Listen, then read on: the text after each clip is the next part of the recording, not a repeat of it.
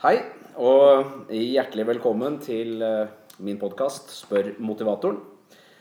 I dag eh, er jeg så eh, ja, heldig at jeg har med meg en gjest. Og det var egentlig litt artig hvordan dette kom til. fordi at jeg skulle i dag, eller har vært på, foredrag i dag med Steffen Dahl. Og han er polfarer, og jeg skulle høre om hans ferder til både Nord- og Sydpolen. Som han for øvrig gjorde i, eh, i 2011, og var på både Nordpolen og Sydpolen eh, samtidig. Velkommen. Tusen hjertelig takk. Jeg synes jo Det som var artig, var jo at når jeg da eh, Jeg ble overraska over at jeg fikk jo høre om polferd, men jeg fikk jo høre også et foredrag om psykisk helse, og det syns jeg var veldig spennende, og det skal vi komme litt tilbake til. Men jeg har jo lyst til å begynne da i denne herre Altså, du, du er eh, eh, Steffen Dahl. Du har eh, hatt en fantastisk eh, både nær sagt jobbkarriere. Du har hatt en helt fantastisk polkarriere. For du har gått både til Sydpolen og Nordpolen. Og det var samme året som Det var 2011. Hvordan var det der? Ja, det var Nansen-Amundsen-året, 2011. Ja. Så da gikk jeg både alene til Nord- og Sydpolen. Så jeg tenkte at det jubileumsåret det måtte jeg feire på min måte, da. Fordi jeg har jo hele tiden, selv siden jeg var liten guttunge, drømt om å være polfarer. Så, men som du sa her, at når jeg vokste opp, så skjønte jeg at eh, etterspørselen etter polfarer ikke var særlig stor. Så jeg har gjort en god del andre ting. Men jeg kom til et punkt hvor jeg liksom sa opp jobben min for å kjøre på og skulle leve av å være ute på tur. og hadde planer om å reise rundt i Norge og holde foredrag om turen. og Skulle skrive bøker og lansere min egen ullkolleksjon. og Sånne ting. Eh, plutselig så står jeg der eh, oppe på polisen eh, helt aleine og skal legge ut på min første ekspedisjon da, til Nordpolen. Nå skal jeg gå i sporene til Nansen og Johansen. Så jeg starter sånn ca. 600 km fra Nordpolpunktet, fordi gutta måtte snu nemlig på 86,14. Det er 600 km fra Nordpolen. Og så etter at helikopteret forlater meg, så føler jeg meg veldig eh, aleine. Jeg lurer på til og med hvor jeg skal gå hen. Alt er jo i bevegelse der oppe. ikke sant? Og isbjørner og ja, jeg måtte svømme over åpent eh, vann og sånt noe. Og jeg var ikke så veldig god på å skyte heller. Jeg sto, husker jeg sto før ekspedisjonen oppe på en skytebane i Longyearbyen og skulle øve med pistolen min og traff ikke blinken en eneste gang. Så jeg fikk bare beskjed om at jeg måtte vente til jeg fikk isbjørn over hele meg før jeg eh, prøvde å skyte. Da. Så okay. eh, det var et tøft møte med, med livet i eh, polisen. Eh, det var det. Hva du si er det for å ta liksom, til, til, Nordpolen, som jo er ganske spesiell fordi at du, du har denne skruisen, og det er jo vann og, og åpent vann og disse tingene. Hva, hva er det hva, hva, er beste minne? Beste minnet er jo den vakre naturen. Eh, helt klart. Alle fargene på, på, himmelen. Det å på en måte gå der oppe. Og i og med at isen forandrer seg hele tiden, så er det du ser, det er den eneste som har sett det. Fordi neste dag så ser det ikke helt likt ut. Så det er som å være egentlig på en helt annen planet, eh, det å gå der oppe. Så det er til å få tårer i øya, og det gir eh, veldig mye styrke og, og motivasjon. Og så drar du til Sydpolen da eh, senere det året. Eh, hvordan var den turen i forhold da? Helt annerledes. Jeg følte meg mye sterkere etter å ha klart å gjennomføre Nordpolen. Det skjedde jo noe oppe på Nordpolen som var veldig vanskelig òg. Jeg datt gjennom isen alene i 40 minus. Eh, så jeg var helt sikker på at jeg kom til å dø. Men jeg klarte, og da var det mange dramatiske timer i et lite telt oppe på et stort polhav liksom, hvor jeg kjempa for livet mitt. Jeg måtte skjære av meg deler av Gore-Tex-bekledninga, og jeg var helt sikker på at jeg liksom kom til å miste noen fingre eller tær. Da. Men helt utrolig nok så klarte jeg å komme meg videre. Og når jeg sto på Nordpolen, så følte jeg meg utrolig sterk. Og da tenkte jeg at eh, nå skal jeg til Sydpolen, og jeg følte meg veldig klar for den turen. men Eh, på dag to så ble jeg tatt av en storm. Jeg sitter aleine i 15 dager på rad uten å kunne bevege meg av flekken pga. 50 minus og en storm. og det var utrolig eh, tøft møte med Antarktis. Jeg eh, drømte jo ikke egentlig om å stå på, nord, på Sydpolpunktet. Jeg drømte om å på en måte bare ligge i et telt der nede og høre på vinden. Og kjenne hvor kaldt det egentlig var. Eh, og det skulle jeg jo virkelig få opp eh, Jeg skulle virkelig fått oppfylt drømmen min. Velkommen til Antarktis, Steffen. Du drømte om å ligge i et telt. Nå skal du ligge her i 15 dager på rad. Og, nei, det var eh, rått. det, altså. Og jeg følte meg ikke veldig tøff når jeg satt inne i det teltet. Jeg var veldig langt nede. Antarktis er jo noe helt annet. For mens Nordpolen er liksom skruis, isbjørn og åpent hav, så er jo Antarktis noe helt annet. Og det er jo verdens kaldeste, mest øde og forblåste miljø. Isen du beveger deg på der, den er gjennomsnittlig 3000 meter tjukk. Den skjuler tusenvis av bresprekker, og det er snøskavler som er like harde som betong. Da. Det er verdens lengste oppoverbakke der, og du har verdens stråeste skiføre. Eh, ingenting å se på. Eh, så det, når alt er hvitt der nede, så var det så, som å gå på ski egentlig inni en melkekartong. Hvis ja. du har prøvd på det. Så, eh, men eh, utrolig fantastisk eh, ekspedisjon. Naturen, det å være der i akkurat 100 år etter at Roald Amundsen var her som førstemann, det, det var stort for meg. Amundsen planta jo det norske flagget på Sydpolen. Jeg gravde ned en tyggis så bare sånn for å feire med en liten hilsen til statsministeren. Han blei jo flydd inn der eh, kort tid etter at jeg hadde vært Stemmer det. Det var det året. Ja. Jeg var, jeg var, jo på eh, Det var i 2010 så gikk jeg over det er ikke, altså, lillesøsterturen til Sydpolen, men over eh, Grønland. Og det, det som, og da, og Jeg bare kjenner igjen den der melkekartongfølelsen du beskriver. altså det er at Du har ingenting å se på. Det er ingen konturer. Det er absolutt bare helt uh, hvitt, alt det du ser på. Mm. Det, men det som jeg uh, eh, merka etter hvert, det var jo Det var riktignok bare 20 dager, da, men, men det, jeg ble så glad i rutinene etter hvert. At man bare gikk i det samme mønsteret og, etter hvert at man begynner å mestre rutinene. Og så kjente man bare sånn dette er her og, når, og når jeg da kom fram, så hadde jeg ikke lyst til å gå av isen. altså Jeg ville bare fortsette å være på tur. Og Det synes jeg var min, det, det var en sånn helt fantastisk uh, opplevelse. Får du sånne uh, opplevelser når du går For Sydpolen er jo det derre det samme om igjen og om igjen.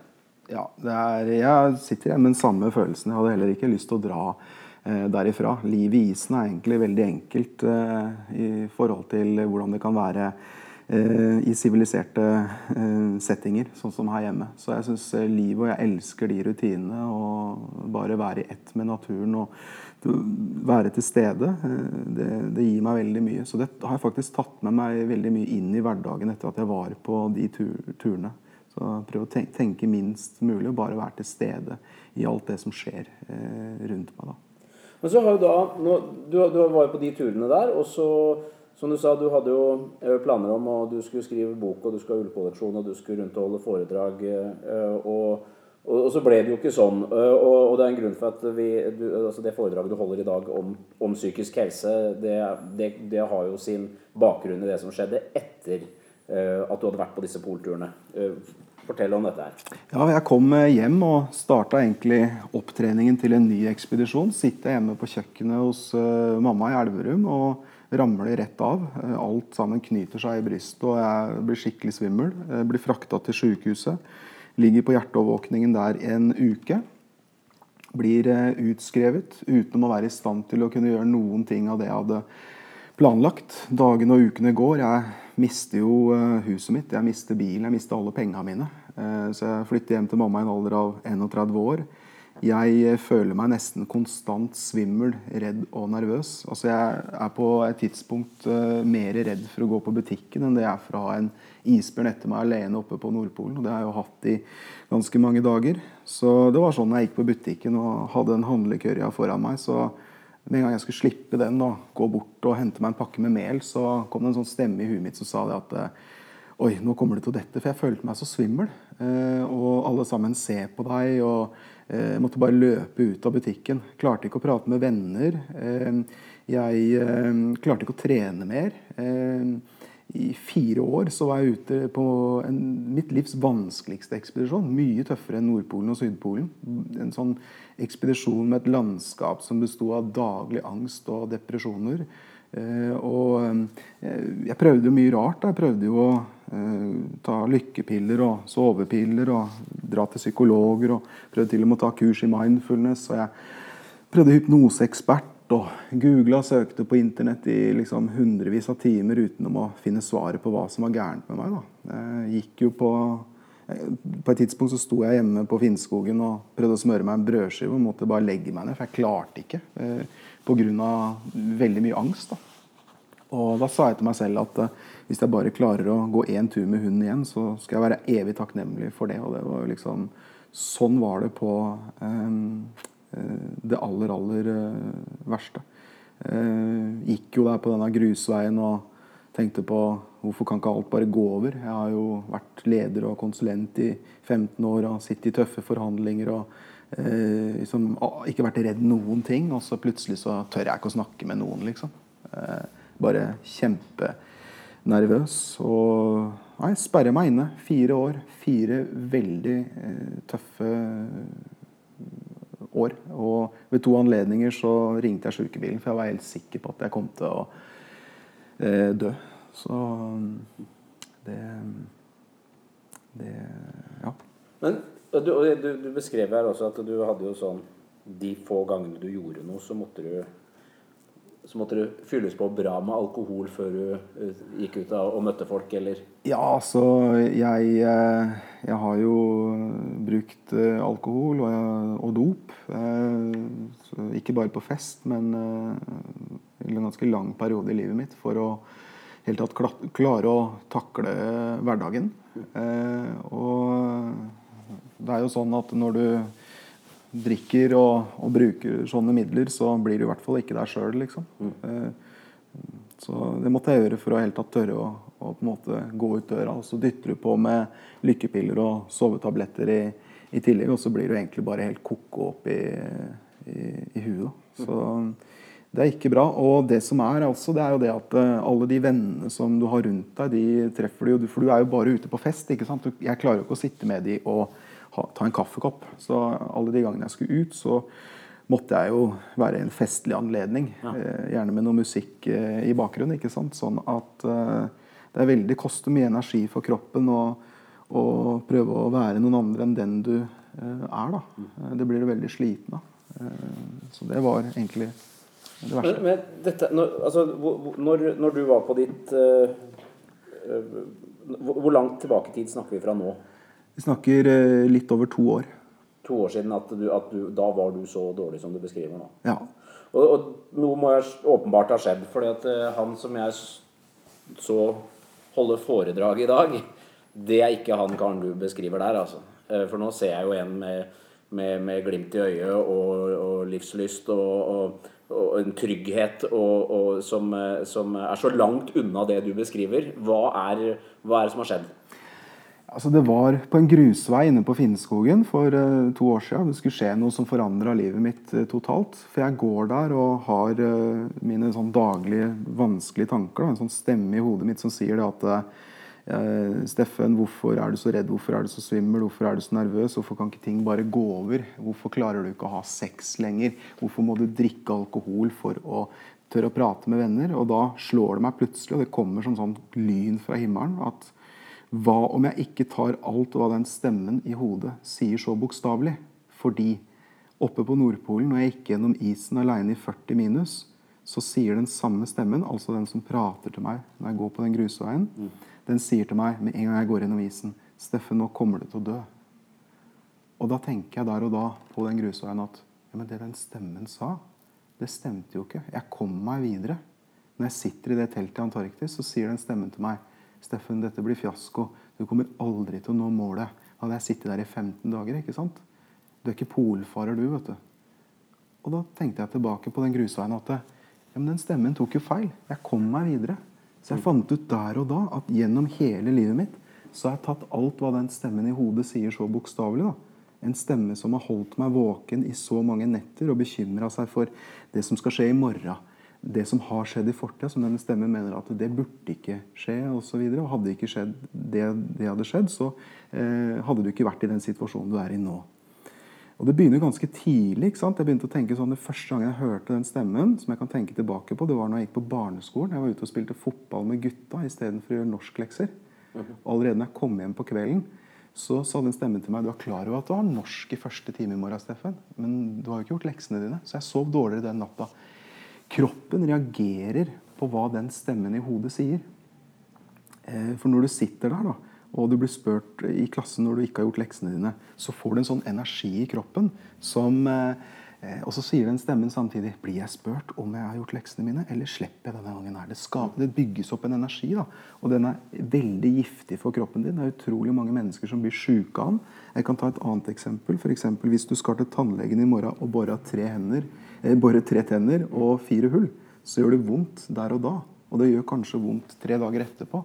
Men det er ikke nødvendig at det skal gjøre vondt tre uker i forveien. Mm. Og det er det den stemmen i hodet, som alle har, gjør med oss. Ja, og det, og det jeg tenker Når du sier det alle har For det, det, det er, alle kjenner jo igjen denne, her, denne stemmen. De også, det er også noen som har laget sanger om denne styggen på ryggen. Og, altså, ja. dette her, vi, vi, har jo, vi, har jo, alle en sånn, eh, en sånn stemme som både jeg tror mange opplever er bra å ha fordi at den hjelper deg når, du, når den er trygg.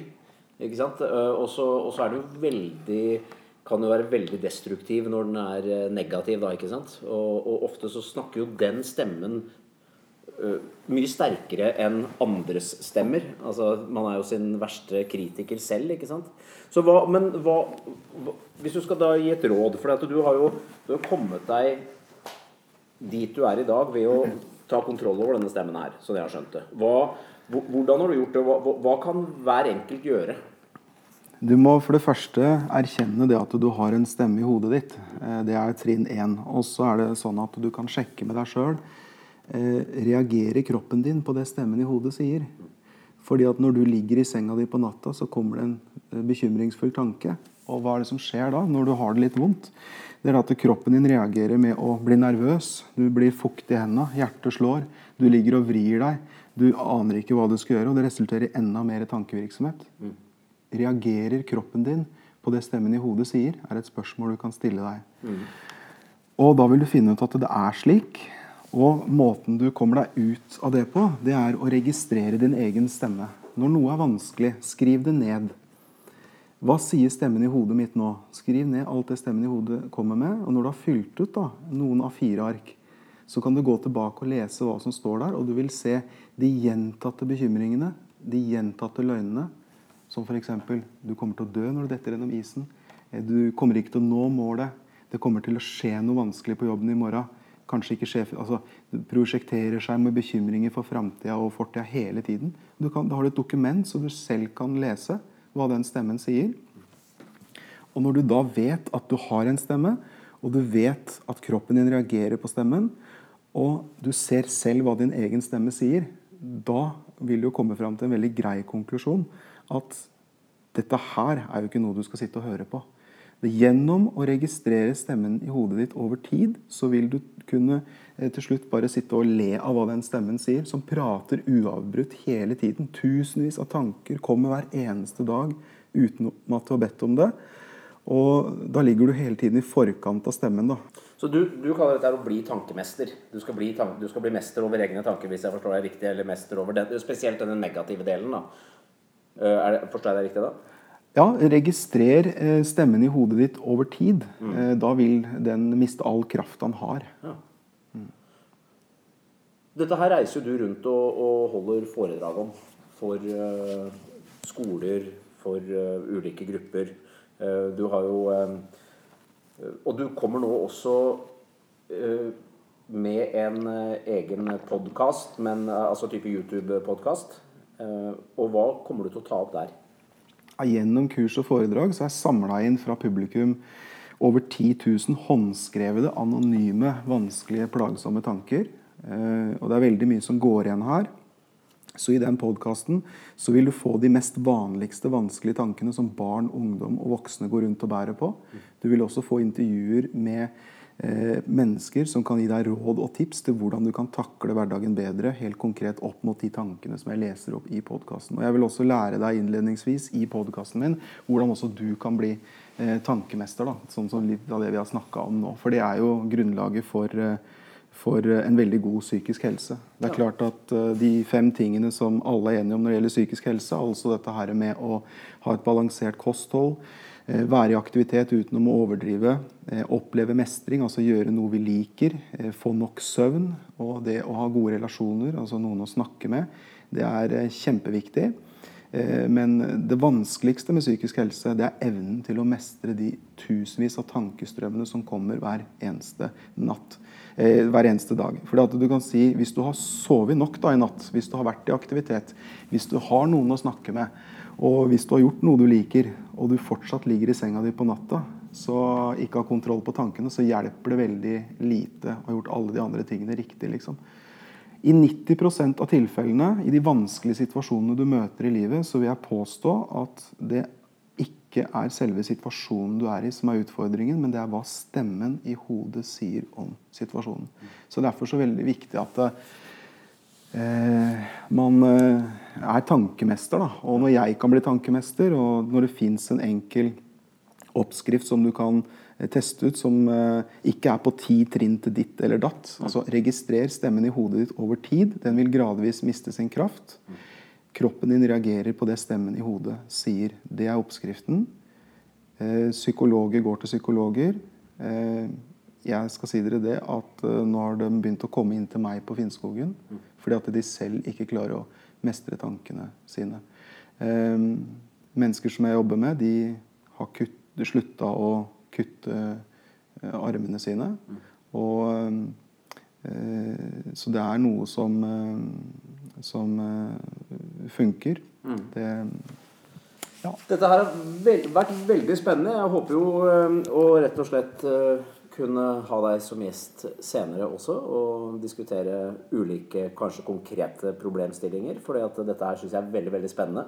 Håper du som har hørt på, syns at eh, dette har vært gøy. Takk til deg, Steffen, for at du tok deg tid. Og så er det sånn at Hvis du vil høre dette, eh, mer om dette, her, så kan du gå på polfarer.no. Eh, eller punktum.no, for de av dere som ikke er så glad i nynorsk. Og så kan du gå på YouTube, og der kan du søke opp Tankemester. Eh, og finner du Tankemester, da kommer eh, denne bloggen til eh, Altså bloggen, denne, denne, denne podkasten til Steffen der. Og det er altså Steffen Dahl som har vært med oss i dag, så det er bare å søke opp han. Han har også fått lagd den kuleste ullkolleksjonen som alle som skal ut på tur, egentlig bare må ha. Så det er bare å, bare å klikke seg inn på den nettsida hans og la kortet gå varmt. Vi høres eh, snart igjen. Takk for at eh, du har hørt på.